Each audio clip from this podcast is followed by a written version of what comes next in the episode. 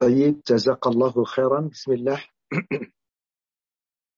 السلام عليكم ورحمة الله وبركاته إن الحمد لله نحمده ونستعينه ونستغفره ونعوذ بالله من شرور أنفسنا وسيئات أعمالنا من يهده الله فلا مضل له ومن يضلل فلا هادي له أشهد أن لا إله إلا الله وحده لا شريك له وأن محمدا عبده ورسوله لا نبي بعده. اللهم صل وسلم وبارك على محمد وعلى آله وأصحابه أجمعين ومن تبعهم بإحسان إلى يوم الدين.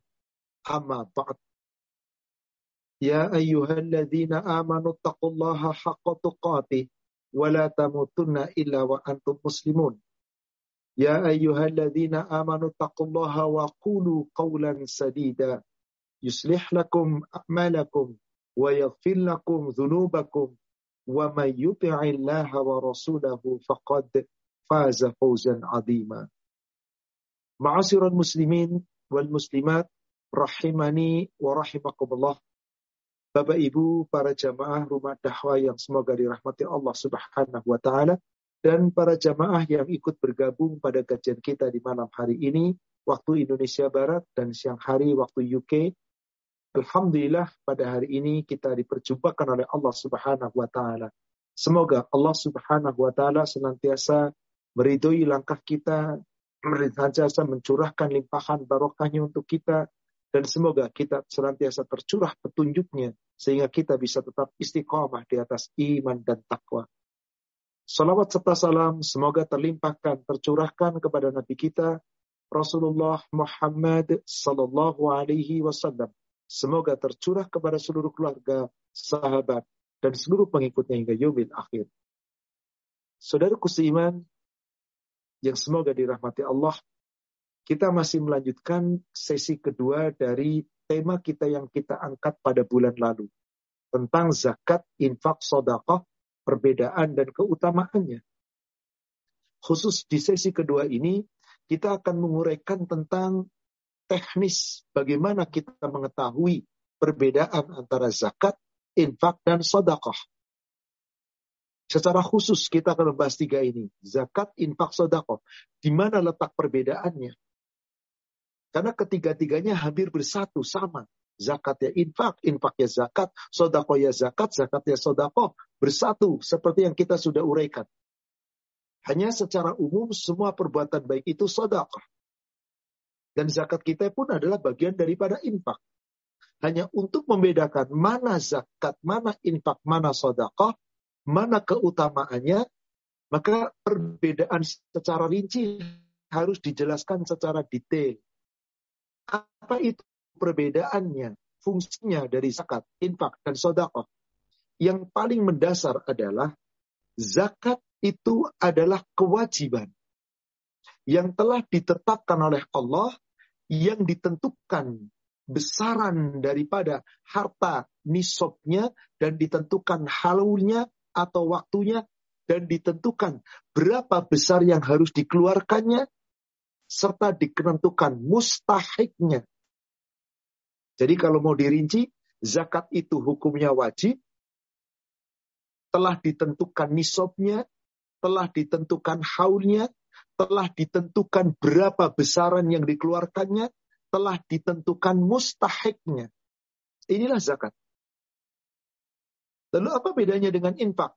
Infak itu hukumnya wajib, tapi tidak ditentukan nisabnya tidak ditentukan haulnya, tidak ditentukan berapa besar yang dikeluarkannya, tapi ditentukan mustahiknya.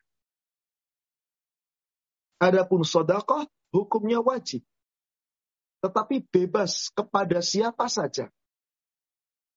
Tidak ada nisabnya, tidak ada haulnya, tidak ada ketetapan besaran berapa dikeluarkannya, bebas mustahiknya, terserah kepada siapa saja. Inilah perbedaan yang mendasar dari ketiganya. Dan masing-masing pukulnya keutamaan dan fungsi. Sekarang kita bahas dulu yang pertama tentang zakat.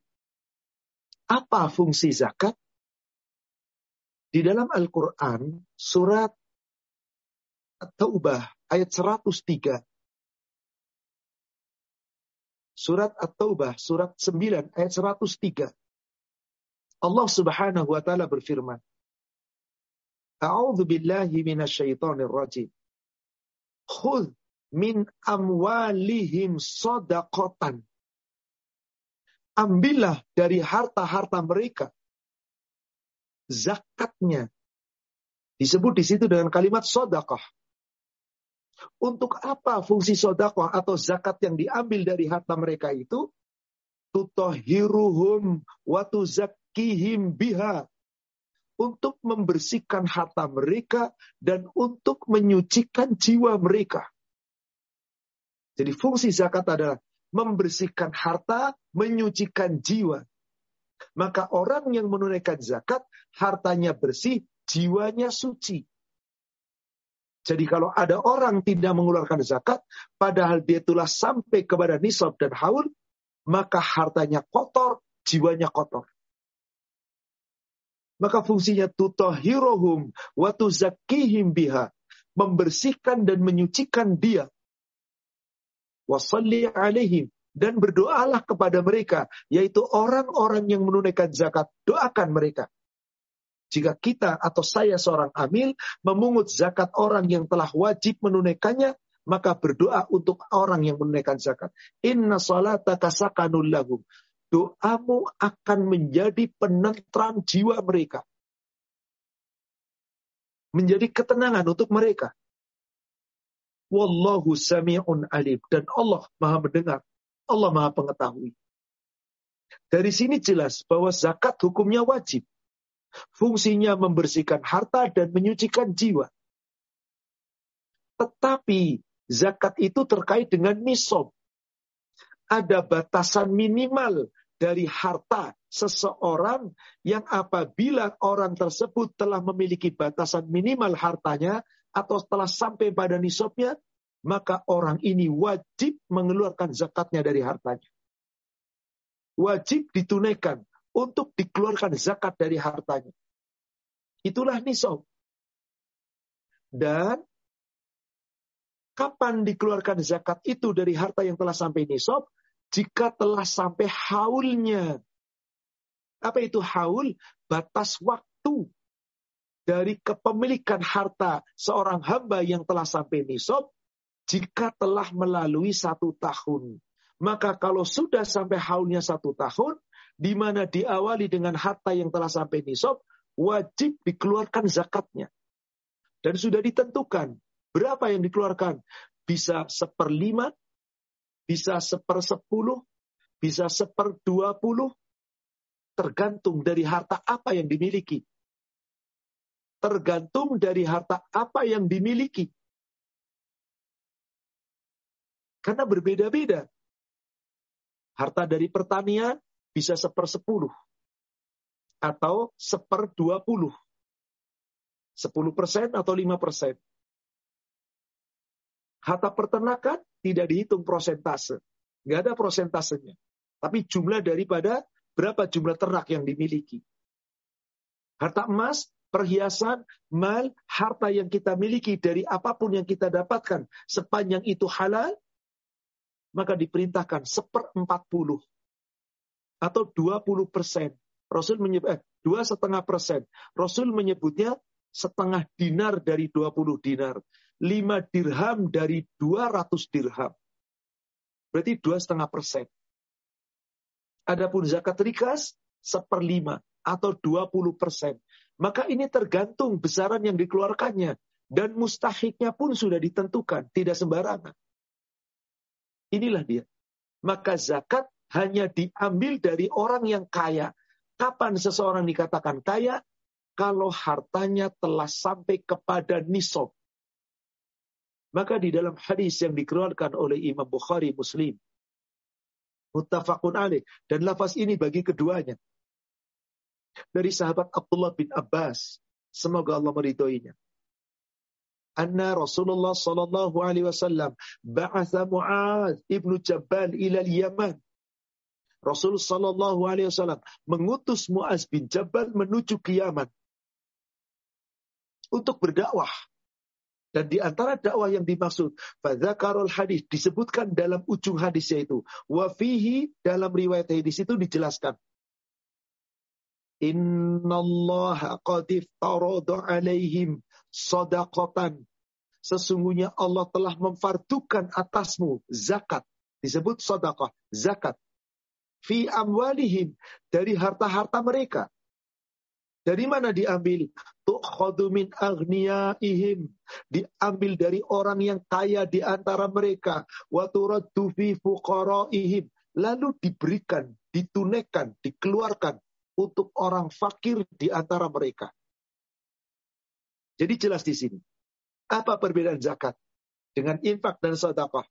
Zakat itu hukumnya wajib, telah ditetapkan nisabnya, telah ditetapkan haulnya, telah ditetapkan berapa besaran yang dikeluarkannya, telah ditetapkan mustahiknya.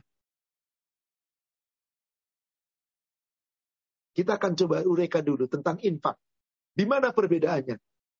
Infak hukumnya wajib, tapi tidak ditentukan nisabnya, tidak ditentukan haulnya, tidak ditentukan besarannya, tetapi ditentukan mustahiknya. Adapun sodakoh, hukumnya wajib, bebas. Tidak ada haul, tidak ada nisab, tidak ada haul, tidak ada besaran yang ditentukan, dan bebas tidak ditentukan kepada siapa. Kepada siapa saja boleh. Maka kita lihat sekarang, berapa nisabnya zakat? Batas tertentu orang disebut kaya. Kapan seseorang dikatakan kaya? Di dalam hadis yang dilihatkan oleh Imam Abu Daud, hadis ini telah dinyatakan hadis yang hasan dari sahabat Ali bin Abi Thalib. Rasulullah Sallallahu Alaihi Wasallam bersabda, "Ida kanat laka isruna dinaron, apabila ada pada kamu 20 dinar, wahala alaihal haul dan telah ada sampai padanya haulnya satu tahun. Fafiha maka pada 20 dinar itu nisfu dinaran. Dikeluarkan zakatnya setengah dinar. Anda punya harta 20 dinar itulah nisab 20 dinar. Telah sampai padanya haul satu tahun itulah batas waktunya maka zakatnya setengah dinar dari 20 dinar. Itulah yang dikeluarkannya. Fama zada bihisabi, fabihisabi dhalik. Adapun apa-apa harta yang lebih dari nisab tadi, perhitungannya mengikuti. Berapa sisanya? Ikuti. Walaysa malin zakatun hatta yahula alaihi al-haul tidak ada kewajiban zakat ditunaikan kecuali apabila harta yang telah sampai nisab tadi sampai haulnya. Baik, saya jelaskan secara singkat. Apabila Anda punya harta 20 dinar. Berapa 20 dinar itu? Satu dinar setara dengan 4,25 gram emas murni. Satu dinar setara dengan 4,25 gram emas murni. Jadi berapa 20 dinar? 20 dinar kalikan 4,25. 85 gram emas murni. Berapa harga emas murni? Tergantung di negara Anda masing-masing. Kalau kami di Indonesia, rupiahnya kira-kira satu juta. Saya nggak tahu di UK berapa. Afan, Akhirolan Anda tahu kira-kira berapa? Mungkin biasanya perempuan yang tahu ya, ya. Saya nggak tahu, Ustaz. Belum lihat. Coba silakan. Pada berapa berapa euro di sana harganya? Sama nggak kira-kira mendekati dengan uh, di Indonesia? Karena beda. Di Amerika ya dolar Amerika, Australia dolar Australia, di Singapura dolar Singapura, di Malaysia ringgit Malaysia dan seterusnya. Karena ikatannya bukan nilai rupiahnya, nilai mata uangnya, tapi nilai harga emas. Jadi sekali lagi nisabnya adalah 20 dinar. Satu dinar 4,25 gram emas murni. Maka berapa nisab harta? 4,25 kali 20. 85 gram. Jika Anda mempunyai harta setara senilai dengan 2, 85 gram emas murni, berarti Anda uangnya sudah sampai nisab. Berarti Anda sudah kaya. Berarti Anda telah wajib zakat. Kapan ditunaikan zakatnya? Wahala alaihal haul apabila harta yang sampai nisab tadi telah sampai pada haulnya satu tahun. Misal, antum punya harta sekarang katakanlah 100 juta. 100 juta sudah pasti sampai nisab. Karena tadi 85 gram. 85 gram kalau emas itu kira-kira 81 eh, juta, ya 85 juta. Anggaplah punya harta 1 juta, 100 juta. Hari ini, tanggal 29 rojab. Tulis 29 rojab, harta saya sampai nisab. Harus sampai satu tahun. Jadi rojab tahun ini 1444 Hijriah. Afan saudara sekalian, bulannya pakai bulan Hijriah, bukan bulan-bulan Masehi. Jangan pakai bulan Masehi. Sekarang tanggal berapa? 19 eh, Februari. Jangan itu. Pakai penanggalan Hijriah. 29. Kalau dapat ya tadi siang, berarti 28 rojak. Anda tulis. Pada tanggal 28 rojak, harta saya sampai haul. Eh, sampai nisab. Minimal 85 gram emas. 100 juta katakan. Hala alaihal haul. Maka harta itu harus mengendap selama satu tahun. Mengendap satu tahun itu namanya haul. Waktu yang telah dimiliki. Waktu dari harta yang telah dimiliki sampai nisab. Ketika berjalan satu tahun. Kalender Hijriyah. Maka tahun depan persis tanggal 28 Rojab itu batas akhir Anda menunaikan zakat. Kalau harta Anda masih tetap 100 juta, keluarkan 2,5 persen, 2,5 juta. Harta Anda ternyata jadi 120 juta, keluarkan semuanya 120 juta, 2,5 persennya. Harta Anda ternyata 500 juta, keluarkan semua 500 juta, 2,5 persennya. Meskipun harta yang didapatkan 500 juta baru beberapa pekan yang lalu. Kalau dihitung haul, belum sampai satu bulan. Tapi haul mengikat dari nisab pertama. Jadi tidak setiap dapat harta hitung nisab. Setiap harta tidak. Saya pertama kali dapat harta sampai nisab, itulah batasnya. Maka hitungan haulnya mengikat sejak pertama kali saya dapat harta jika telah lewat satu tahun. Maka berulang untuk tahun berikutnya tahun berikutnya di bulan yang sama harta saya masih sampai kepada nisab, wajib zakat tiap tahun dibayarkan.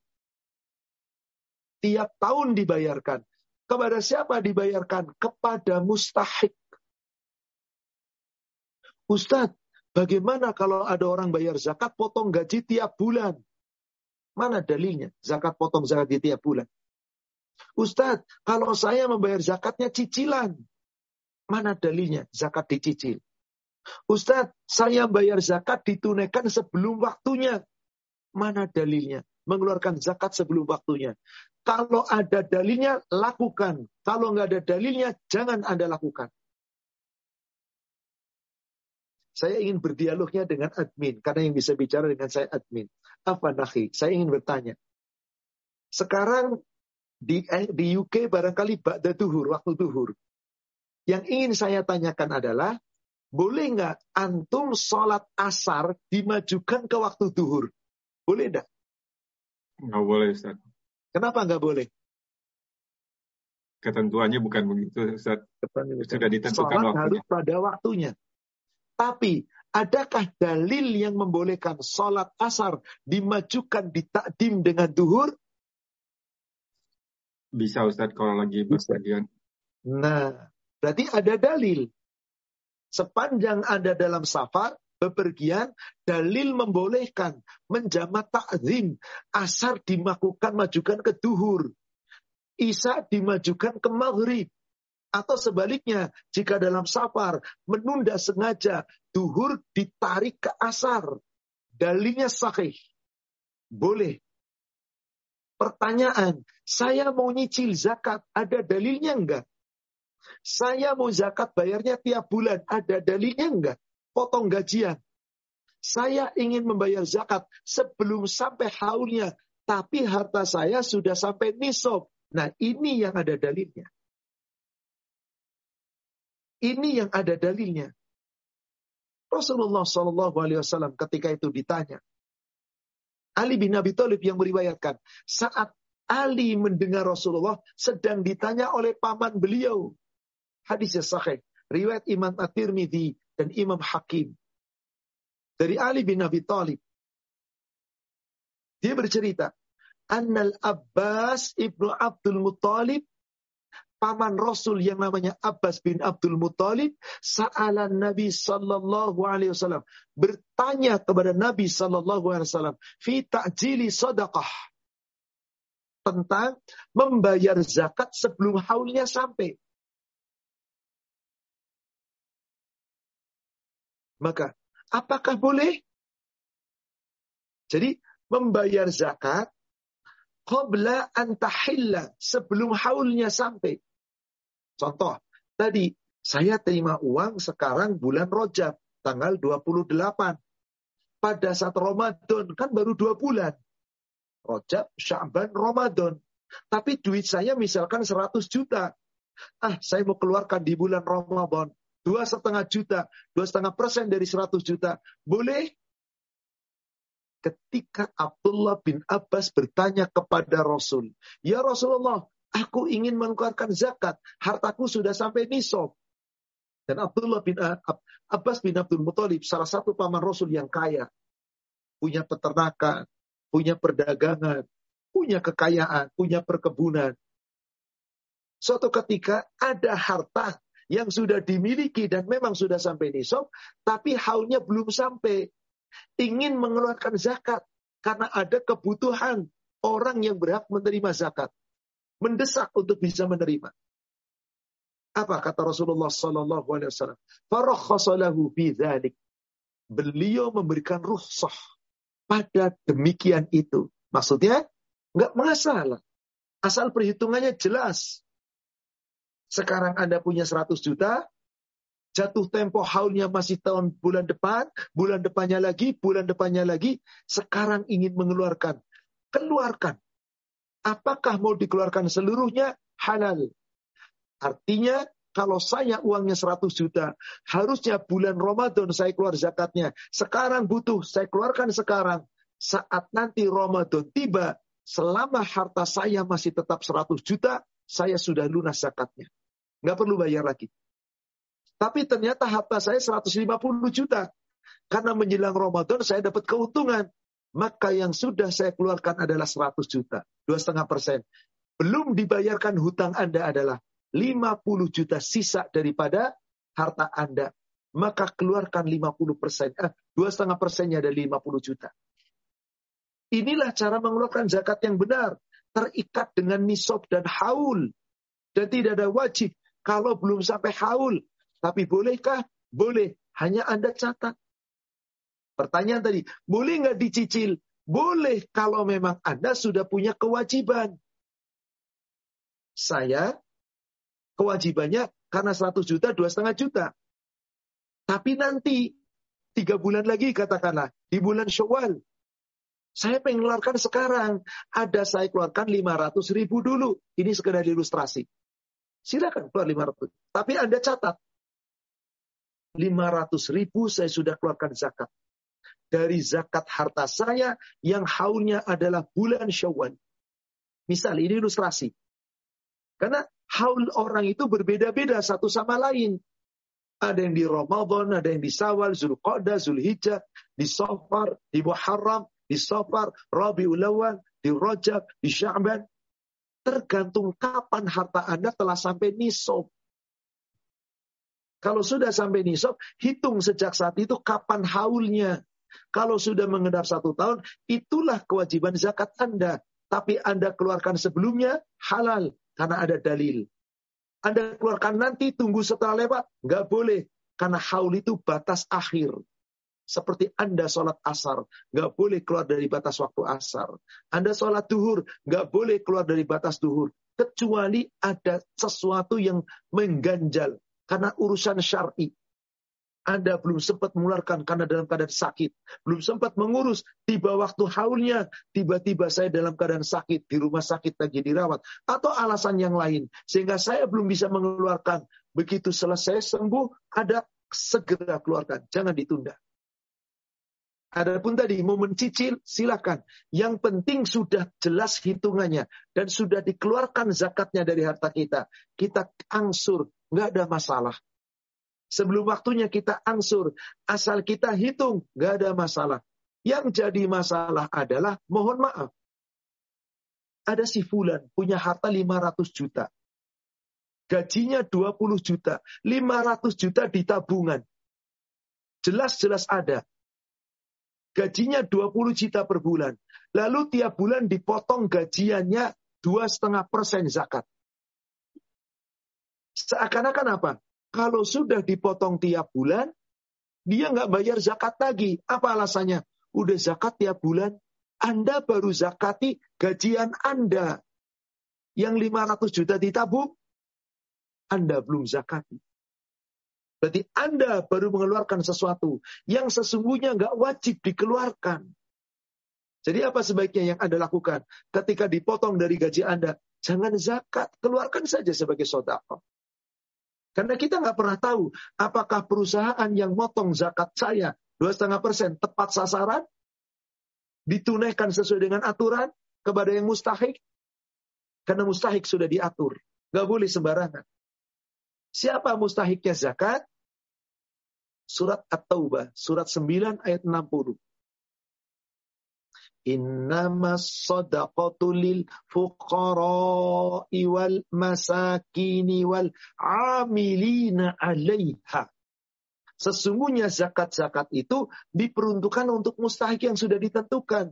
Orang-orang fakir, orang-orang miskin, amil yang mengurus zakat itu, wal mu'allafati kulubuhum, orang-orang yang sedang dilunakkan hatinya, dibujuk hatinya untuk memeluk Islam, atau orang-orang yang baru masuk Islam wa untuk memerdekakan budak wal gharimin orang-orang yang dalam keadaan berhutang wa fi sabilillah dan orang-orang yang berjuang di jalan Allah wa sabil dan orang yang sedang dalam perjalanan. Delapan ini semuanya person, orangnya. Bukan lembaga, bukan tempat ibadah, bukan sarana ibadah. Anda ingin melakukan zakat, bukan untuk pembangunan masjid, bukan untuk pembangunan pesantren, bukan untuk sarana, tapi person. Orang fakir, orangnya, orang miskin, orangnya, orang yang mengurus zakat, amin, orangnya, orang yang dibujuk hatinya untuk menjulurkan menuju Islam, orangnya, untuk memerdekakan budak, orang dimerdekakan. Harganya berapa? Dibayar dengan zakat. Merdeka orangnya. Wal gharim, orang yang berhutang. Wa fisabilillah, orang yang sedang berjuang di jalan Allah. Untuk tenaga, untuk kudanya, untuk peralatannya, untuk bahan makanannya. Wa sabil dan ibnu sabil, orang yang sedang dalam perjalanan. Saudara sekalian, delapan ini orang, person, bukan lembaga, bukan tempat ibadah, bukan sarana ibadah. Maka tidak tepat orang zakat bayar untuk bangun masjid. Orang bayar zakat dikeluarkan untuk pembangunan sekolah, pesantren. Tidak. Karena delapan itu persen. Maaf, jumlahnya cuma dua setengah persen. Anda ingin impak bangun masjid, silakan. Sodakoh bangun pesantren, silakan. Jangan cuma dua setengah persen, lebih dari itu. Karena itu menjadi apa?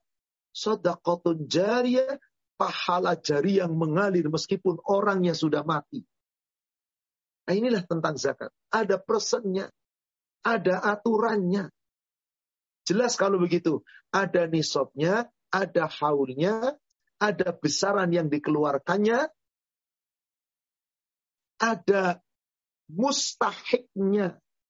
Dan itu semua harus sesuai dengan aturan. Gak boleh sembarangan. Dan tiap-tiap harta dari emas dan perhiasan, harta perhitungannya berbeda dengan peternakan. Peternakan sapi, peternakan kur, uh, onta, peternak kambing, beda cara penghitungannya. Pertanian, antara pertanian padi, gandum, dan yang lainnya. Sama secara jumlah solnya. Tapi kapan dikeluarkan? Setiap panen tidak terkait dengan haulnya. Tapi ada nisab. Berapa nisabnya? 5 wasok. Setara dengan 1050 liter. Dan yang dipungut zakat dari pertanian hanyalah pertanian biji-biji bahan makanan. Enggak ada petani duren bayar zakat duren. Petani jeruk bayar zakat jeruk. Petani jambu bayar zakat jambu. Petani cabai bayar zakat cabai. Enggak ada. Karena hitungannya itu wasok. Hanya biji-biji bahan makanan. Yang Rasul perintahkan. Tidak dipungut zakat kecuali empat. Apa itu yang pertama? Khintoh. Gandum yang dijadikan tepung. Namanya khintoh. To'am untuk makanan. Yang kedua syair. Gandum yang dimakan berupa biji gandumnya seperti waker uts, havermut, dan yang lainnya. Yang ketiga, tamrin, kurma yang sudah dikeringkan. Yang keempat, zabib, anggur yang dikeringkan atau kismis. Selain itu, Rasul bebaskan. Bebas bukan berarti nggak bayar zakat. Tidak bayar zakat dari hasil pertanian itu.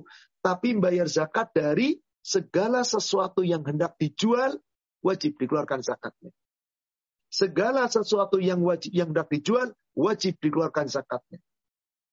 Timbul pertanyaan, bagaimana kalau ada orang mampu zakat sampai nisab sudah sampai haul nggak bayar zakat? Ah, ini dia ancamannya luar biasa. Ancamannya luar biasa. Di surat At-Taubah, surat 9, ayat 35 atau merujuk sedikit ke atas di ujung dari ayat ke-34. Ujung dari ayat ke-34 ada kalimat begini.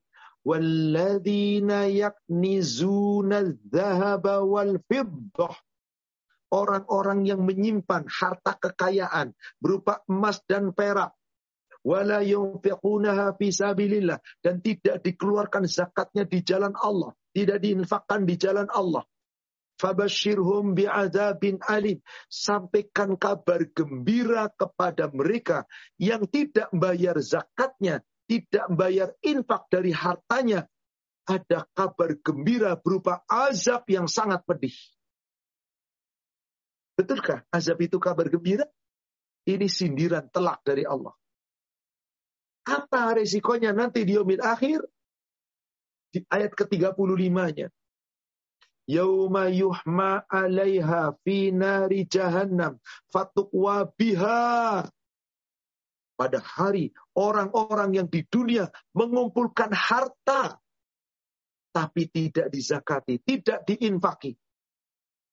Maka hari itu hartanya Allah kumpulkan kembali, dipanaskan di neraka jahanam, dicairkan dan dijadikan menjadi seperti setrika, fatukwa biha disetrikakan dengan harta yang dipanaskan dari api neraka itu. Jibahuhum wa junubuhum wa durub wa duhuruhum. Lambung mereka dahi mereka punggung mereka. Dahinya disetrika punggungnya disetrika lambungnya disetrika Hada makanastum li anfusikum. Ini harta-hartamu yang dulu kamu simpan untuk dirimu sendiri. Fadhuku ma kuntum taknizun. Rasakan hartamu yang tidak kamu keluarkan zakat dan infaknya. Maka rasakan ini yang akan membakar Anda. Ini sebuah resiko saudara sekalian. Jangan gegabah. Inilah keutamaan dan inilah fungsi dan ini perbedaan. Kalau Anda nggak bayar zakat, sampai ancamannya disebutkan di dalam hadis. Hadis yang disuatkan oleh Imam Abu Daud Juga diriwayatkan oleh Imam Ahmad, Abu Daud, Nasai, dan Imam At-Tirmidzi. Dan telah disahkan oleh Imam Hakim. Dari sahabat yang bernama Baz bin Hakim. An abihi, an. Dari bapaknya dan dari datuknya. Dalam hadis yang cukup panjang. Wa fi hadisin. Lalu disebutkanlah di dalam hadis itu. Man mu'tajiran biha falahu ajru. Barang siapa yang menunaikan zakat semata-mata karena ingin mengharapkan ganjaran dari Allah, maka Allah akan berikan ganjaran berlipat ganda. Waman mana'aha. Tapi barang siapa ada orang hartanya sudah sampai nisob dan telah sampai haul, tapi tidak mau membayar zakatnya, fa inna akhiduha wa malihi. Maka aku akan perintah kata Rasulullah, diambil dengan paksa hartanya, zakat hartanya, dan separuh hartanya dirampas. Jadi Rasul mengancam, ada orang sudah punya harta, sampai nisob dan haul. Harusnya mengeluarkan zakat, tapi nggak mau zakat, diambil dengan paksa hartanya, zakatnya, dan dirampas separuh hartanya. Azmatan min azamati Rabb bina sebagai suatu perintah dari perintah yang keras dari Rob kami. Inilah zakat. Anda nggak boleh sembarangan. Anda nggak boleh mencepelekan. Zakat ini ingat membersihkan harta, menyucikan jiwa. Maka aturan-aturannya sudah jelas. Jangan Anda berani menunaikan, mengabaikan zakat. Sekarang kita melangkah kepada infak. Ingat tadi, infak nggak ada. Hukumnya wajib, tapi nggak ada nisabnya, nggak ditentukan. Nggak ada haulnya, nggak ditentukan. Dan tidak pula ditentukan eh, apa namanya besarannya berapa. Tapi Allah tentukan mustahik yang berhak menerima infak. Kepada siapa dia? Al-Baqarah 215. Juga nanti kita lihat Al-Baqarah 273. Di 215 Al-Baqarah, Allah Subhanahu wa taala berfirman, ketika para sahabat bertanya kepada Rasulullah tentang infak, nafkah yang harus dikeluarkan kepada siapa? Yas'alunaka madza yunfiqun. Mereka bertanya kepadamu ya Muhammad, kepada siapa harta itu diinfakkan? Apa yang harus mereka infakkan? Maka Allah jawab dengan turunnya ayat ini. Qul Muhammad kata katakan ma anfaqtum min khairin falil walidain wal aqrabin wal yatama wal masakin wabnas sabil katakan Muhammad apa saja hartamu yang baik yang hendak kamu infakkan infakkan kepada orang tuamu, infakkan kepada anak-anak kerabat-kerabat dekatmu, infakkan kepada anak yatim, orang miskin, dan orang yang sedang dalam perjalanan. Di sini disebut anak yatim. Kalau zakat gak disebut anak yatim. Karena boleh jadi anak yatim kaya. Dia tidak berhak mendapat zakat. Tapi boleh menerima infak. Boleh. Karena yatim disebut di sini. Orang tua kita berikan infak. Saudara-saudara dekat kita berikan infak. Anak yatim, orang miskin, orang yang dalam perjalanan berikan infak. Oh kalau gitu orang miskin, orang fakir, orang-orang yang dalam perjalanan dapat infak juga, dapat zakat juga. Iya, karena tadi di dalam zakat disebutkan fuqara wal masakin wal amilin, kemudian mu'allafa qulubuhum, kemudian orang yang memerdekakan budak, kemudian orang yang berhutang, kemudian orang yang berperang di jalan Allah dan yang dalam perjalanan. Dalam perjalanan disebut. Orang miskin disebut. Jadi mereka bisa dapat zakat, berhak pula mendapatkan infak. Keluarkan. Wama taf'alu min khairin fa innallaha bihi alim. Apa saja yang baik-baik kamu lakukan, yaitu kamu infakkan, kamu amalkan. Allah mengetahui. Demikian pula kita lihat di surat Al-Baqarah 273-nya. Harta yang kamu infakkan untuk siapa? Lil fuqara. Kalau tadi nggak disebut fakir, hanya miskin. Sekarang disebut lagi fakir. Zakat juga untuk fakir. Infak juga boleh untuk fakir. Fakir yang mana?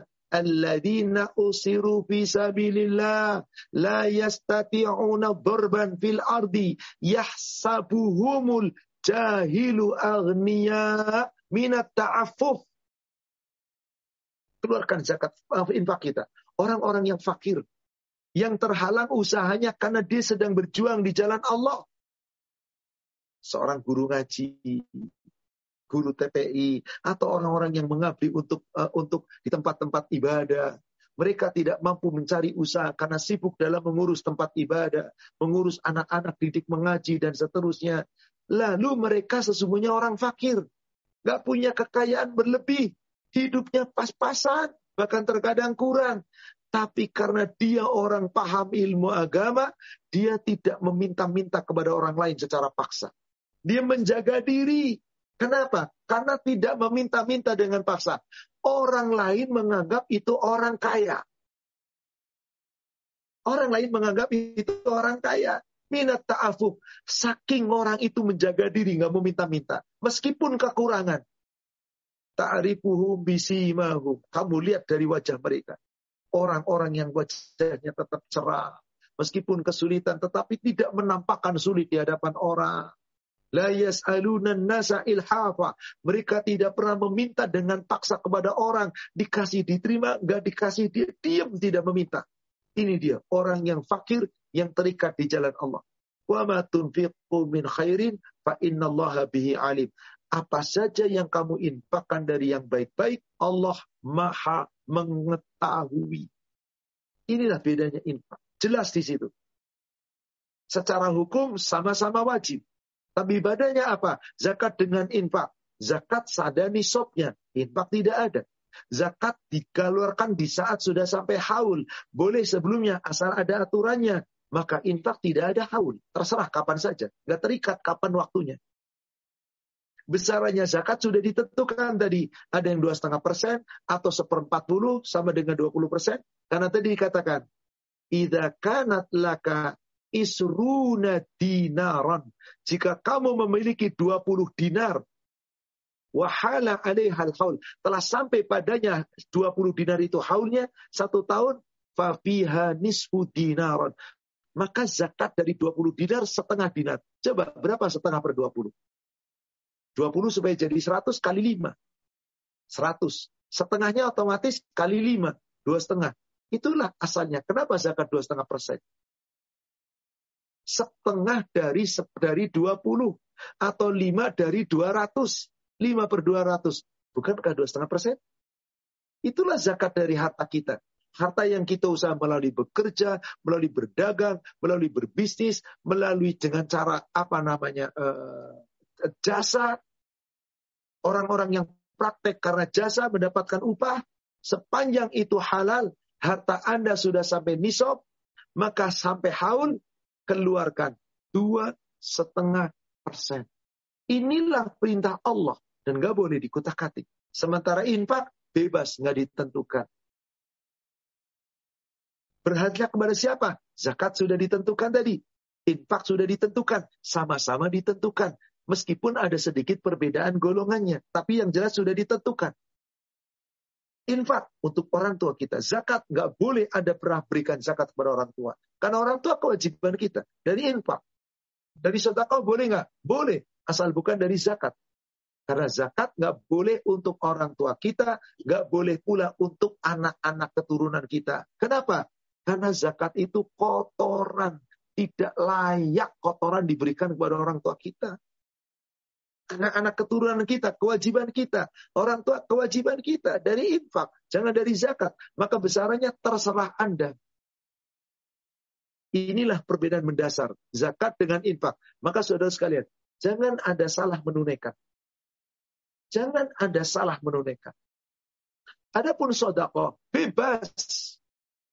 Hukumnya wajib, tapi semua bebas. Mau terang-terangan, mau banyak, mau sedikit, mau sembunyi-sembunyi. Yang penting ikhlas. Dan kepada siapa? Bebas Anda boleh berbuat. Di dalam hadis riwayat Imam Muslim dari Abu Hurairah, Rasul bercerita. Ketika Rasul perintahkan kepada para sahabat, bersodakohlah. Bersodakohlah. Maka ada seorang yang keluar membawa sodakohnya. Lalu diberikan ternyata jatuh kepada pencuri. Lalu orang mengabarkan besoknya, wah si pulan sodako, tapi jatuh kepada pencuri. Masa pencuri dikasih sodako? Maka kemudian dia berkata kembali, Ya Allah, engkau yang telah menakdirkan sodakohku sampai kepada pencuri. Saya akan bersodakoh lagi. Besoknya dia bersodakoh lagi. Jatuh kepada pelacur. Wanita pelacur dikasih sodakoh. Lalu orang-orang mengabarkan si pulan bersodakoh kepada pelacur. Ah, nggak tepat sasaran. Ya Allah, kau yang telah menakdirkan. Zakat dan sodakohku jatuh sama pelacur. Saya akan bersodakoh lagi. Besoknya disodakoh lagi. Jatuh kepada orang kaya. Jatuh pada orang kaya. Ya Allah, kau yang telah mentakdirkan aku jatuh sodakoh pada orang kaya. Subhanallah. Maka orang mengabarkan, dia sodako nggak tepat. Masa sama pencuri, masa sama pelacur, masa sama orang kaya. Harusnya orang kaya yang bersodako. Masa nerima sodako dari orang? Maka dikabarkanlah. Apa kata Rasulullah? Kemudian Allah utus kepadanya. Pemberi mendengarkan dari utusan Allah. Sodakohmu telah sampai. Dan Allah telah menetapkan pahala sodakoh. Adapun sodakohmu kepada pencuri, Semoga pencuri itu sadar bahwa itu dosa. Sehingga tidak mencuri lagi. Adapun sodakohmu kepada pelacur, semoga pelacur itu sadar bahwasanya dia telah berbuat maksiat yang dosa besar. Dengan sodakohmu semoga akan dibalikkan hatinya oleh Allah. Sehingga sadar meninggalkan pelacurannya. Dan kepada orang kaya, semoga orang eh, kaya itu sadar. Harusnya dia yang bersodakoh. Jangan terima sodakoh orang. Dia yang berbagi. Intinya itulah sodakoh. Wajib tapi bebas. Nggak ada haul, nggak ada nisab, nggak ada mustahik yang ditentukan, nggak ada besaran, terserah kepada siapa saja. Maka sodakoh itu Anda mau terang-terangan, mau sembunyi-sembunyi, yang penting ikhlas berapapun besarnya. Lihat Al-Baqarah, surat 2, ayatnya 271. In tubtus sadaqati hiya. Apabila kamu menampakkan sodakoh-sodakohmu, maka itu baik. Wa in tukhfuha wa tu'tuha al-fuqara fahuwa khairul lakum. Tapi jika kamu menyembunyikannya dan memberikannya kepada orang-orang yang fakir, maka itu lebih baik bagimu. Supaya kamu ikhlas, gak dapat pujian orang lain. Dan hatimu tetap ikhlas sembunyikan dalam beramal. Jangan pamer sodakoh. Mohon maaf. Betapa banyak orang bersodakoh. Dipamerkan di Instagram. Di-upload di YouTube-YouTube. Biar orang tahu saya ahli sodakoh. Saya membantu orang lain. Ketika membantu bersodakoh, dipanggilnya orang miskin. Harus dipoto di saat menyerahkannya. Harus diumumkan. Harus ada wartawan yang menyaksikan kadang-kadang memanggil anak yatim, lalu minta balasan supaya didoakan dan seterusnya. Jangan. Kalau kamu sembunyi-sembunyi, nggak ada yang tahu. Bahkan yang kamu sodakoin pun boleh jadi dia tidak tahu. Itu lebih baik bagi kamu. Wa yukafiru ankum min sayiatikum. Sodakohmu bisa menggugurkan dan menghapuskan dosa-dosa kamu. Wallahu bima ta'maluna basir. Wallahi bima ta'maluna khabir. Allah maha menyaksikan, maha teliti apa yang kamu kerjakan. Jadi bebas saudara sekalian. Terang-terangan boleh, sembunyi-sembunyi boleh. Yang penting ikhlas. Maka kalau kita bersodakah dengan sebuah apa dengan sesuatu yang kecil, lalu kita ikhlas melaksanakannya, insya Allah akan berbuah lebat. Tapi kalau Anda bersodakoh, lalu sodakohmu dirusak dengan ria, ingin dapat pujian, menyakiti orang yang dibantu, sebesar apa pun habis sodakoh Anda. Maka Allah katakan di ayat surat Al-Baqarah 264. Jangan kamu rusak sodakohmu.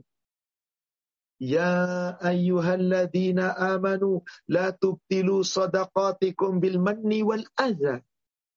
Hai orang-orang yang beriman, jangan kamu rusak sodakoh-sodakohmu dengan mani. Menyebut-nyebut, pamer, supaya dilihat orang. Disiarkan, diupload, dan seterusnya. Wal adha, apalagi sampai menyakiti orang yang dibantu. Jangan, jangan kamu rusak, kata Allah. Nanti sama saja ketika ada orang berinfak dengan hartanya tapi ria, pengen dapat pujian manusia.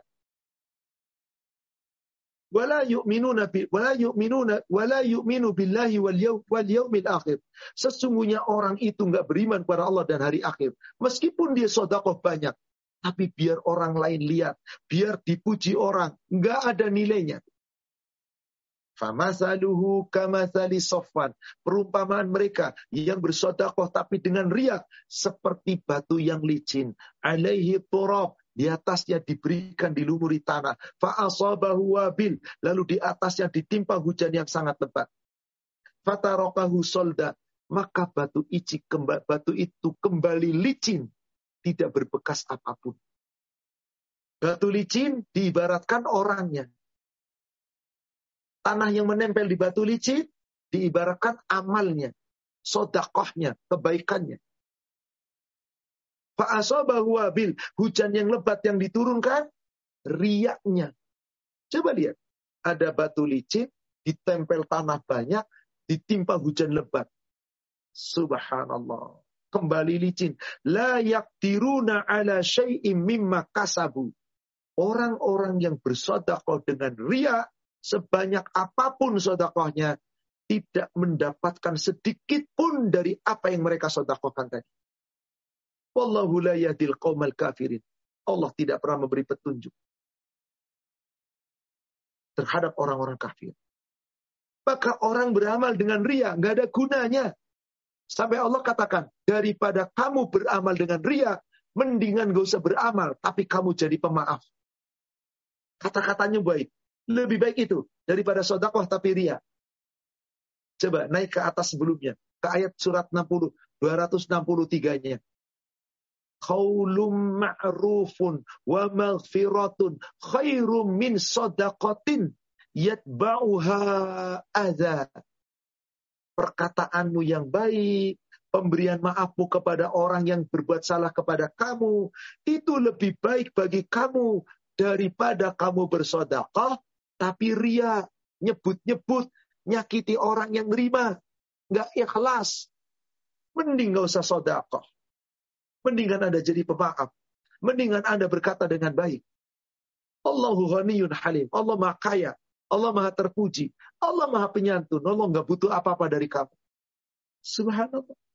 Berarti harus dijaga sodakoh kita. Jangan sampai dikotori oleh ria ujub dan seterusnya karena nggak ada gunanya. Sodako banyak tapi riak, ujub dan seterusnya nol. Kayak apa tadi? Batu licin, dilumuri tanah, ditimpa hujan lebat, hilang total, nggak dapat apa-apa. Betapa rugi orang yang beramal ibadah, bersodakoh tapi riak. Bukankah betapa banyak zaman sekarang? Bersodakoh, tapi syarat kamu harus pilih saya. Bersedekah syaratnya kamu harus nurut saya. Kamu harus rela diatur saya. Bukan sodakoh namanya itu. Paksaan upah bagi orang yang mau bekerja sama Anda. Kewajiban Anda. Sodakoh itu kepada orang yang gak kita kenal. Kita berbagi. Siapa pun mereka. Dan tadi tidak ada aturannya. Dalam arti kata bebas kepada siapa saja.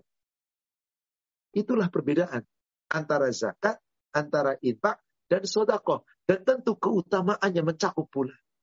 Maka saudara sekalian, jangan kita sembarangan berbuat. Sudah jelas perbedaannya, apa itu zakat, apa itu infak, apa itu sodakoh, bagaimana implementasinya, kepada siapanya, semua sudah dijelaskan. Semoga dengan uraian yang singkat ini kita menjadi paham. Dan kita akan mengamalkan apa yang kita amalkan dari zakat, infak, sodakoh tepat sasaran, tidak asal kita berbuat, terutama zakat. Karena zakat tadi semuanya diatur.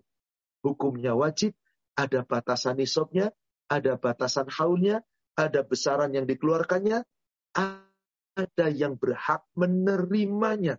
Bahkan resiko orang-orang yang gak zakat tadi, diumil akhir disiksa dengan cara yang mengerikan. Hartanya dipanaskan dengan api neraka. Sebelum disiksa di neraka, itu sudah disetrika dulu dahinya, lambungnya, punggungnya disetrika sambil Allah mengatakan rasakan ini loh hartamu yang kamu simpan untuk dirimu sendiri. Kamu nggak keluarkan infaknya. Kamu nggak keluarkan zakatnya, infaknya, sodakonya. Itu adalah orang bakhil. Maka orang yang bakhil tidak akan mendapatkan kebaikan dari Allah. Yang ada mendapatkan keburukan-keburukan. Wallahu a'lam. Demikian Bapak Ibu jamaah sekalian yang semoga dirahmati Allah. Para jamaah pengajian rumah dakwah UK yang semoga dirahmati Allah. Mudah-mudahan yang singkat ini bermanfaat bagi kita. Dan kita bisa mengamalkan dengan benar, dengan baik dan benar perbedaan dari ketiganya. Insya Allah kita tidak salah lagi dalam melangkah. Demikian wallahu alam. Kami kembalikan kepada admin. Silakan akhi. Ya kalau Khair Ustadz atas uh, kajiannya. Ini mungkin padat banget nih Ustadz dan pertanyaan sudah banyak yang masuk. Silakan. Tapi silakan. Um, ini kebetulan karena saya juga jadi moderator, saya mungkin mau tanya duluan nih Ustadz. Baik, Mohon maaf. Um, kalau untuk yang zakat ini Ustadz, apakah ada yang lebih baik um, apa gimana bilangnya? Tergantung dari hartanya itu sudah masuk nisab, tapi apakah tergantung dari lokasi Ustaz? Misalnya kalau untuk yang uh, ya kayak yang kami yang di UK tapi sebenarnya ada harta di juga di Indonesia atau misalnya yang di Indonesia pun um, ada usaha di daerah tapi tempat tinggal di kota. Apakah zakat zakatnya itu dilak, uh, disalurkan di tempat Sama di daerah atau di kota? Baik. Zakat tidak ada kewajiban harus di mana duitnya di mana dikeluarkannya. Boleh jadi Anda yang di UK mau ngasih zakat bingung ke siapa? Rata-rata mungkin sekitar Anda sudah orang-orang mampu. Katakanlah yang nggak mampu, apakah orang itu muslim? Karena zakat itu semua itu harus muslim. Maka bolehkah zakat saya saya keluarkan di kampung? Boleh. Saya di sini di UK, tapi saya keluarkan zakatnya di kampung? Boleh. Saya juga punya usaha di kampung yang dikelola oleh orang lain. Ada bagi hasil, punya keuntungan. Ya boleh. Yang penting jadi harta juga kan. Persatukan dengan harta Anda. Dan bagaimana nisabnya? Menyatu dengan nisab Anda yang pertama kali. Bagaimana haulnya? Menyatu. Kecuali kalau bisnis di kampung itu berupa pertanian. Nah, itu beda lagi. Yang dihitung bukan harta, tetapi hasil panen. Berapa itu? Sampai lima wasok.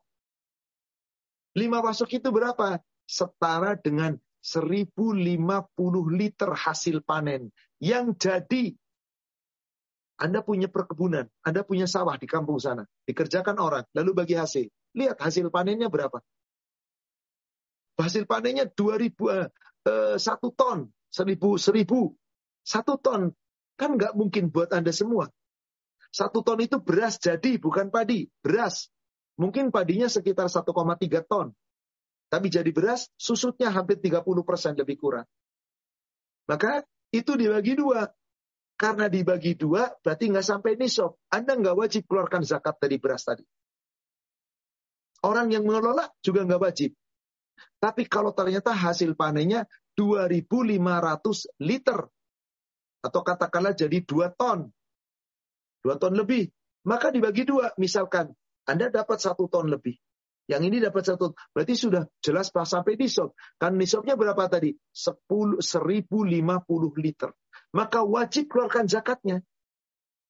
Jadi apa? Berasnya ada.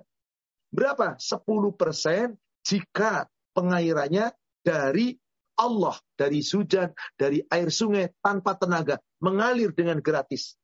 Tapi kalau diairi dengan tenaga manusia, diairi dengan tenaga binatang yang butuh mengeluarkan dana atau tenaga, maka zakatnya dipotong separohnya yang harusnya 50 eh, 10 persen atau sepersepuluh jadi 5 persen atau seper 20. Demikian. Jadi dilihat hartanya bisa dipersatukan kalau sama-sama keuntungannya berupa nilai rupiah. Ekuivalenkan saja rupiah dengan dolar atau dengan euro. Berapa total harta Anda? Itu yang dikeluarkannya. Dua setengah persen. Demikian. Wallahu a'lam.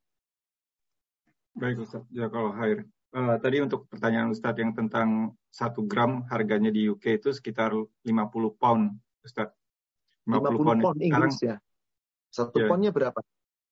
Sekitar 18.500 500 sampai sekarang apa 18.200. Oke, berarti kira-kira 50 mirip. pon. Jadi totalnya berapa tuh? Kalau dikitakan dengan euro itu kira-kira jadi ah, dengan pound Inggris itu jadi berapa? Ya mungkin sekitar 900-an ribu lah Ustaz. Oh, berarti mirip-mirip ya, hampir sama mirip -mirip. ya. Ya. Hampir sama. Di Indonesia juga emas kira-kira sekitar 970, 980. Tadi satu juta itu untuk mudah perhitungan saja. Jadi mirip-mirip. Karena memang kursnya toh kalau pound sterling kan dikurskan ke rupiah hanya rupiah aja yang agak jatuh barangkali. Intinya ya. sama. Jadi negara setempat nilainya berapa itu yang jadi acuannya. Demikian. Wallahu a'lam. Baik Ustaz. Untuk pertanyaannya saya akan mulai share screen. Uh, ini pertanyaan pertama Ustaz. Bismillah, izin bertanya kepada Ustadz mengenai zakat.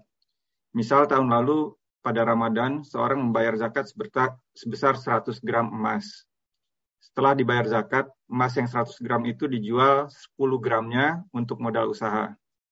Dan tahun ini, uh, jadi orang tersebut membayar zakat sebesar 90 gram saja atau di termasuk plus yang 10 gram yang sudah dipakai usaha itu, Ustaz? 10 gramnya sudah dipakai usaha. Kan ya. jadi sudah tidak ada emas lagi kan? Iya, Ustaz. Sepertinya ya, emasnya ya tinggal 10, tinggal 90 gram keluarkan. Tapi harta Anda bukan cuma emas. Yang Anda untuk usaha, ada nggak keuntungannya? Berapa duitnya? Jadi tolong, jangan dipisahkan.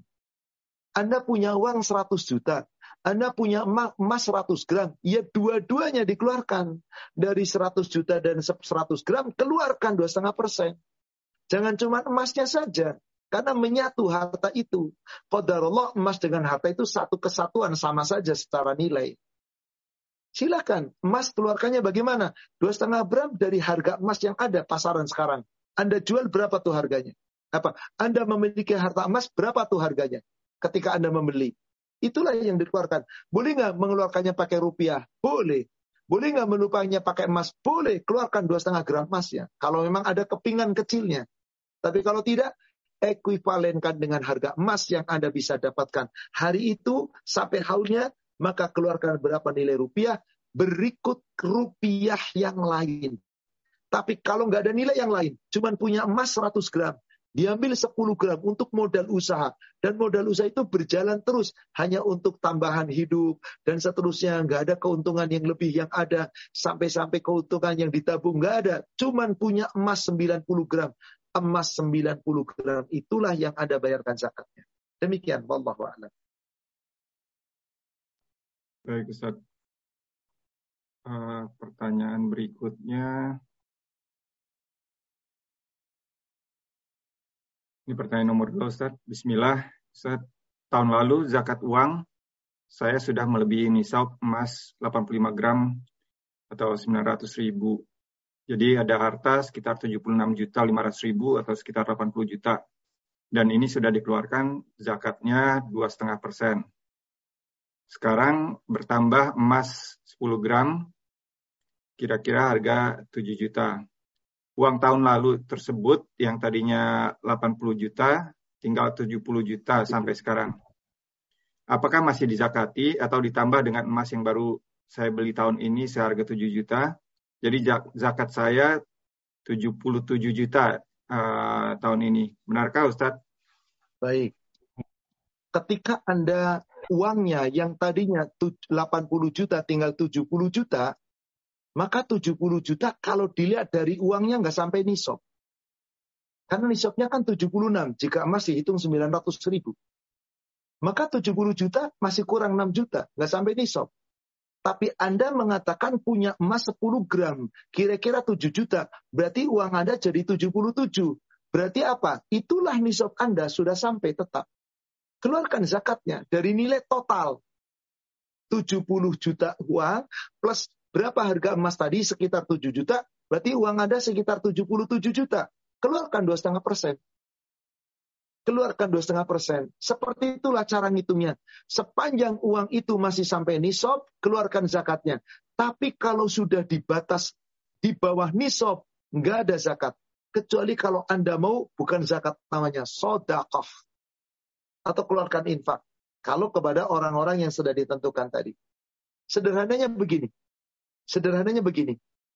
Saya saya punya uang 80 juta nisabnya, 80 juta. Hari ini tulis tanggal 29 Rojab saya punya uang telah sampai di nisab. Tapi belum sampai haul karena baru hari ini saya punya. Begitu tahun depan seperti yang saya jelaskan tadi di awal, begitu tahun depan kalau harta saya masih tetap ada 80 juta, berarti masih sampai nisab, tetap keluarkan 2,5 persen. Kalau harta saya ternyata nambah lebih dari 80 juta, berapa totalnya? 100 juta. Ya semuanya 100 juta, 2,5 persen. Jangan dipilah, saya dapatnya kapan? Yang 80 juta tahun lalu. Yang 20 juta kodarullah baru dua pekan lalu. Menyatu dengan nisab yang telah ada. Jangan dipilah lagi sendiri. Menyatu dengan nisab. Contoh. Tadi nisab saya 80 juta. Jatuh tempo tanggal 29 rojab. 20, katakanlah, rojabnya itu tahun lalu. Berarti 29 rojab saat ini nih, saya harus bayar. Qadarullah. Dua pekan lalu saya dapat uang keuntungan 100 juta. Berapa uang saya? 80 juta tambah 100. 180. Berapa yang saya keluarkan zakat? 180. Jangan cuma 100 juta karena satu haul satu tahun. Yang 80 juta yang sampai satu haul. Yang 100 juta saya hitung lagi dari dua pekan lalu. Supaya satu ton. Bingung Anda. Nggak bakal mampu seperti itu. Jadi harta-harta yang mengikut berikutnya terikat dengan nisab awal. Semoga paham. Sekarang saya balik. Duit saya 100 juta tahun lalu. Sampai nisab, jelas. Hari ini saya harus keluarkan zakatnya. Begitu saya hitung, tinggal 70 juta. Karena saya untuk berobat, saya untuk kebutuhan hidup, saya untuk modal usaha, dan yang lainnya. Ternyata duit saya tinggal 70 juta. Anda nggak perlu bayar zakat. Cukup infak dan sodako. Kenapa? Harta Anda nggak sampai nisab. Gugur. Nah, hitung lagi bulannya. Bulan Sya'ban, bulan Ramadan, bulan Syawal. Pas bulan Syawal saya dapat keuntungan usaha. Dapat 30 juta. Maka duit saya tadinya 70, dapat 30 juta. Jadi 100. Tanggal berapa itu? 10 Syawal. Tulis 10 Syawal harta saya sampai nisab. Nisabnya berubah. Yang tadinya bulan Rojab, sekarang karena sudah berkurang dari nisab, nggak wajar zakat. Begitu sampai nisab, tanggal berapa? Hitung di situ nisabnya. Jadi tanggal 10 Syawal. 10 Syawal tahun depan, lihat duit saya berapa. Tetap 100 juta. Ya itulah yang saya zakati. 500 juta, ya itulah 500 yang saya zakati. Ternyata turun lagi, malah tinggal 60 juta. Nggak usah bayar zakat. Duit Anda nggak sampai nisab. Apa yang Anda bayar? Infak dan sodakoh. Seperti itu cara menghitung zakat, saudara sekalian. Mudah insya Allah. Jangan dipersulit. Mudah, jangan dipersulit. Wallahu a'lam. Demikian. Baik, Ustaz. Jazakallah khair. Ini uh, untuk kesempatan berikutnya akan diberikan ke yang mau bertanya langsung. Ada dua orang di sini. Mungkin untuk yang pertama, Ibu Anindita Widyasari. Silahkan di unmute, Bu.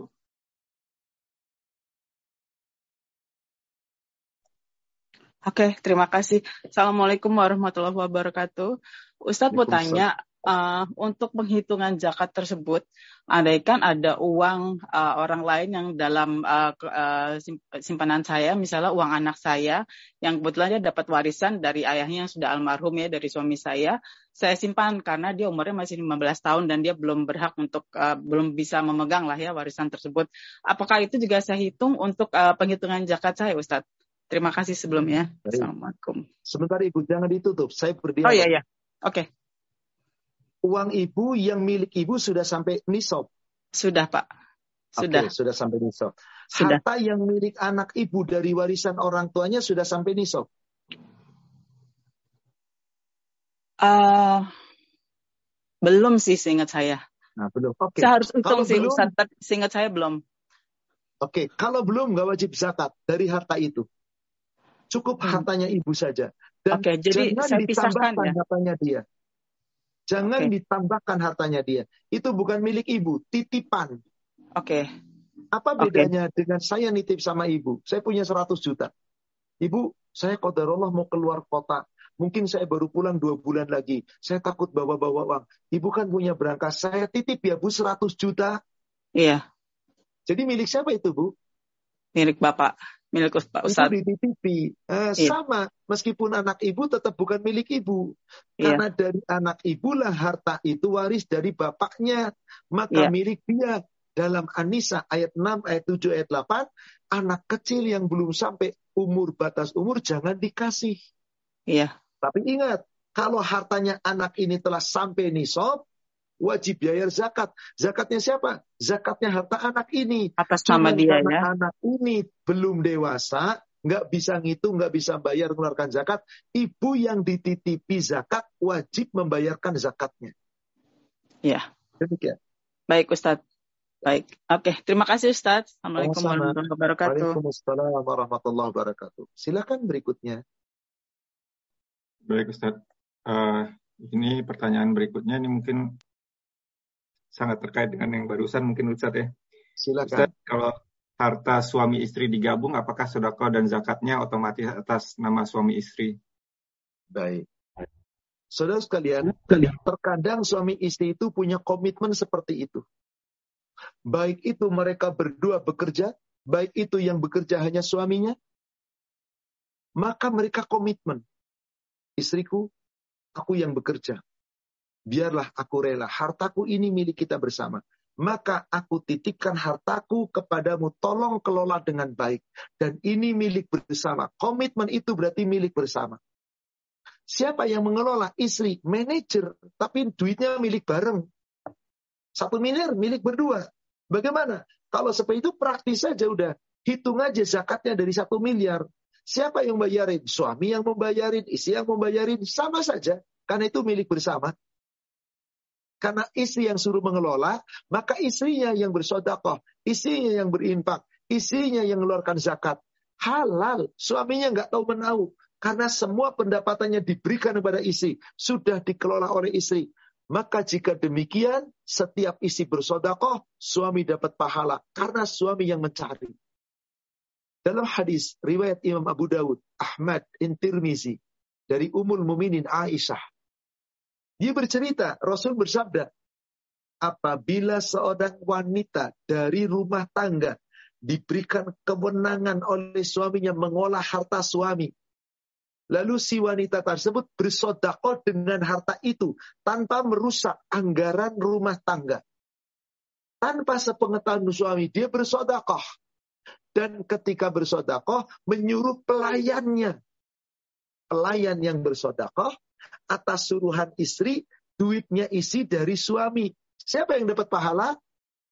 Istrinya dapat pahala karena dia yang bersodakoh, suaminya dapat pahala karena dia yang nyari, pelayannya dapat pahala karena dia yang mengantarkan. Dan ketiga-tiganya dapat pahala sempurna. Bukan satu bagi tiga. Masing-masing dapat pahala sempurna. Subhanallah.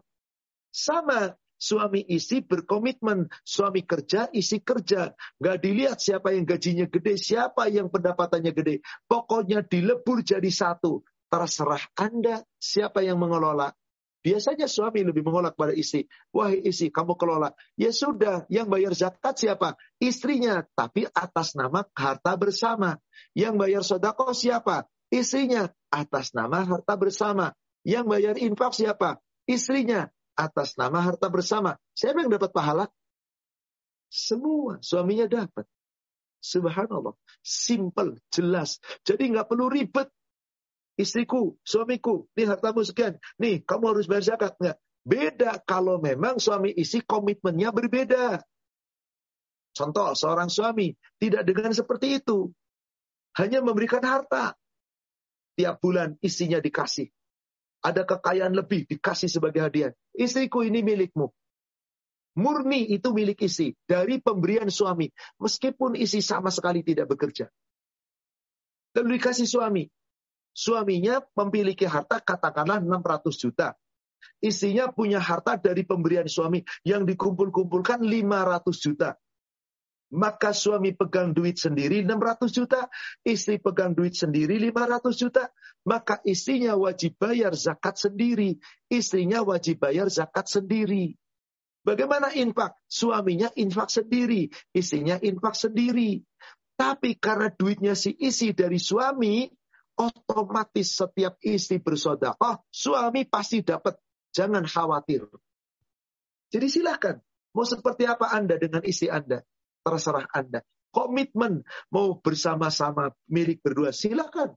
Milikmu milikku silakan. Yang penting jangan ada perjanjian pranikah yang isinya adalah kita menikah hartaku milikku, hartamu milikmu. Kita nafsi-nafsi, masing-masing dipisahkan.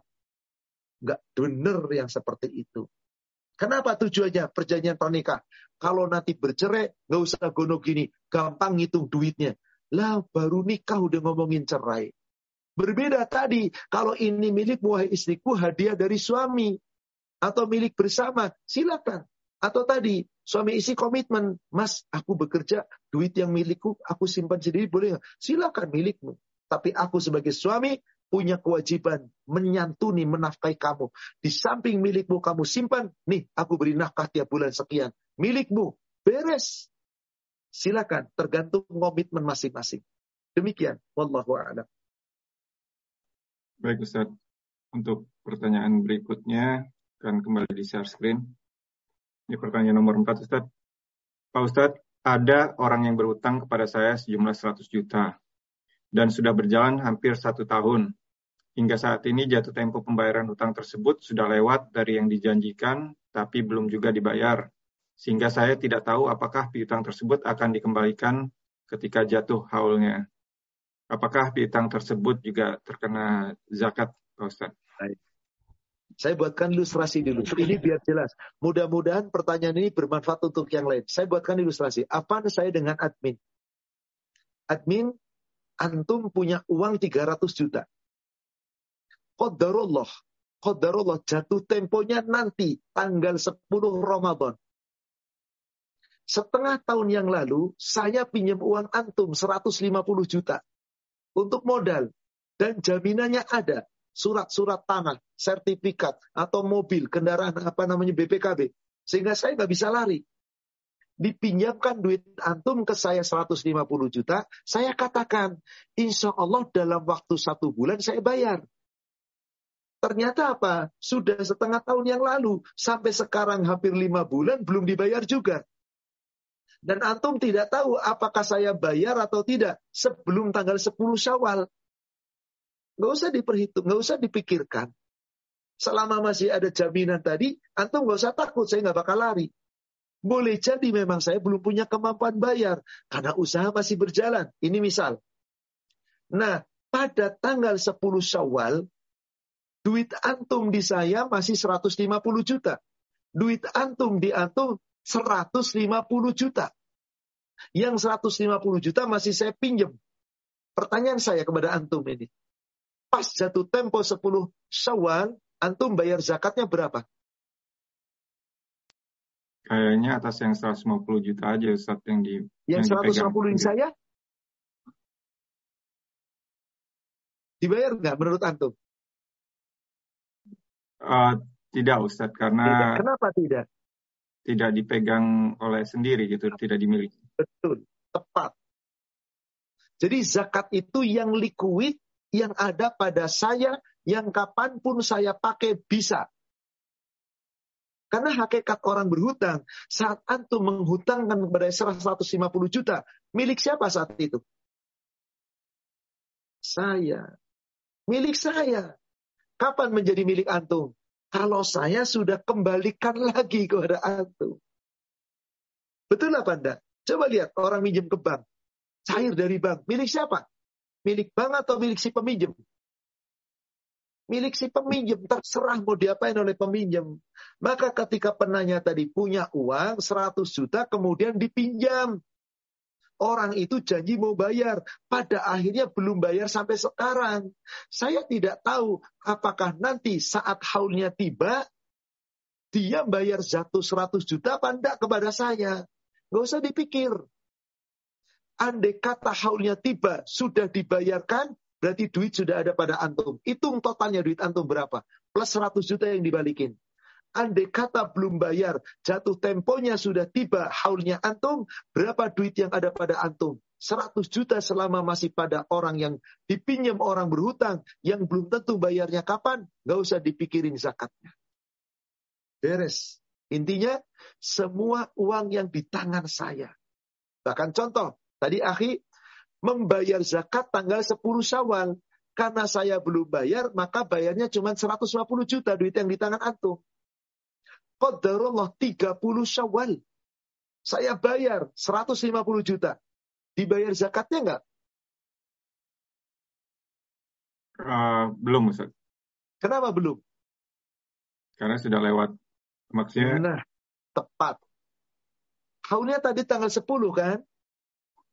Harus dikeluarkan Eh, ketemu bayaran tanggal 30. Sudah lewat haul. Maka tanggal 30 sawal ngikut haul berikutnya nanti sawal tahun depan tanggal 10. Kalau Anda mau membayar bukan zakat namanya. Infak atau sodakoh. Seperti itulah simpelnya cara ngitung zakat. Allah ngasih kemudahan semudah-mudahnya. Maka wahai saudara sekalian, jangan bayar zakat tiap bulan dipotong gaji. Karena nanti beranggapan setiap bulan dipotong gaji dari zakat, maka semua harta saya sudah bersih. Akhirnya nggak pernah bayar zakat. Hanya bulanan. Ini kekeliruan yang sering dan banyak terjadi pada kalangan umat Islam. Karena tidak tahu ilmu tentang zakat. Padahal zakat hukumnya wajib rukun Islam sebagaimana sholat, sebagaimana sahur. Demikian. Semoga jelas dan pertanyaan yang lain yang jamaah kira-kira seperti itu semoga terjawab. Baik Ustaz, Jazakallah Um, ini sudah mendekat jam setengah sepuluh ya Ustaz ya. Iya, mungkin ya, satu pertanyaan. Mungkin satu, satu pertanyaan, yang langsung. Uh, baik, baik. Dan untuk yang sisanya Ustadz mungkin nanti apakah bisa kita set uh, khusus sesi tanya jawab Ustadz untuk menjawab Boleh, ini? Kalau banyak pertanyaan nggak masalah. Nanti pertemuan berikutnya buka saja sesi tanya jawab. Jadi dari awal pertemuan kita tanya jawab. Insya Allah nggak masalah. Baik Ustaz. Uh, kalau begitu untuk uh, kesempatan berikutnya Bu Susi Dewi uh, silakan di unmute Bu.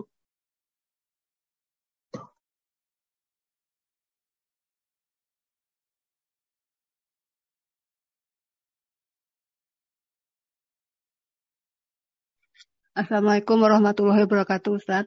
Tadi dalam surat At-Taubah ayat 60 itu dikatakan bahwa zakat adalah untuk fakir miskin, infak untuk kerabat. Bagaimana kalau ada seorang kerabat, dia uh, punya pekerjaan, dia, dan dia, kebetulan dia sakit, sakit dan ada asuransi, tapi asur, hidupnya itu pas untuk gaji saja, untuk makan aja Ustaz. Nah, terus dibayar uh, ada asuransi, tapi asuransi itu tidak menutupi semua biaya pengobatan. Bagaimana kalau uh, membantu untuk membayar zakat apa zakatnya dibayarkan untuk pengobatan untuk itu pengobatan. Ya.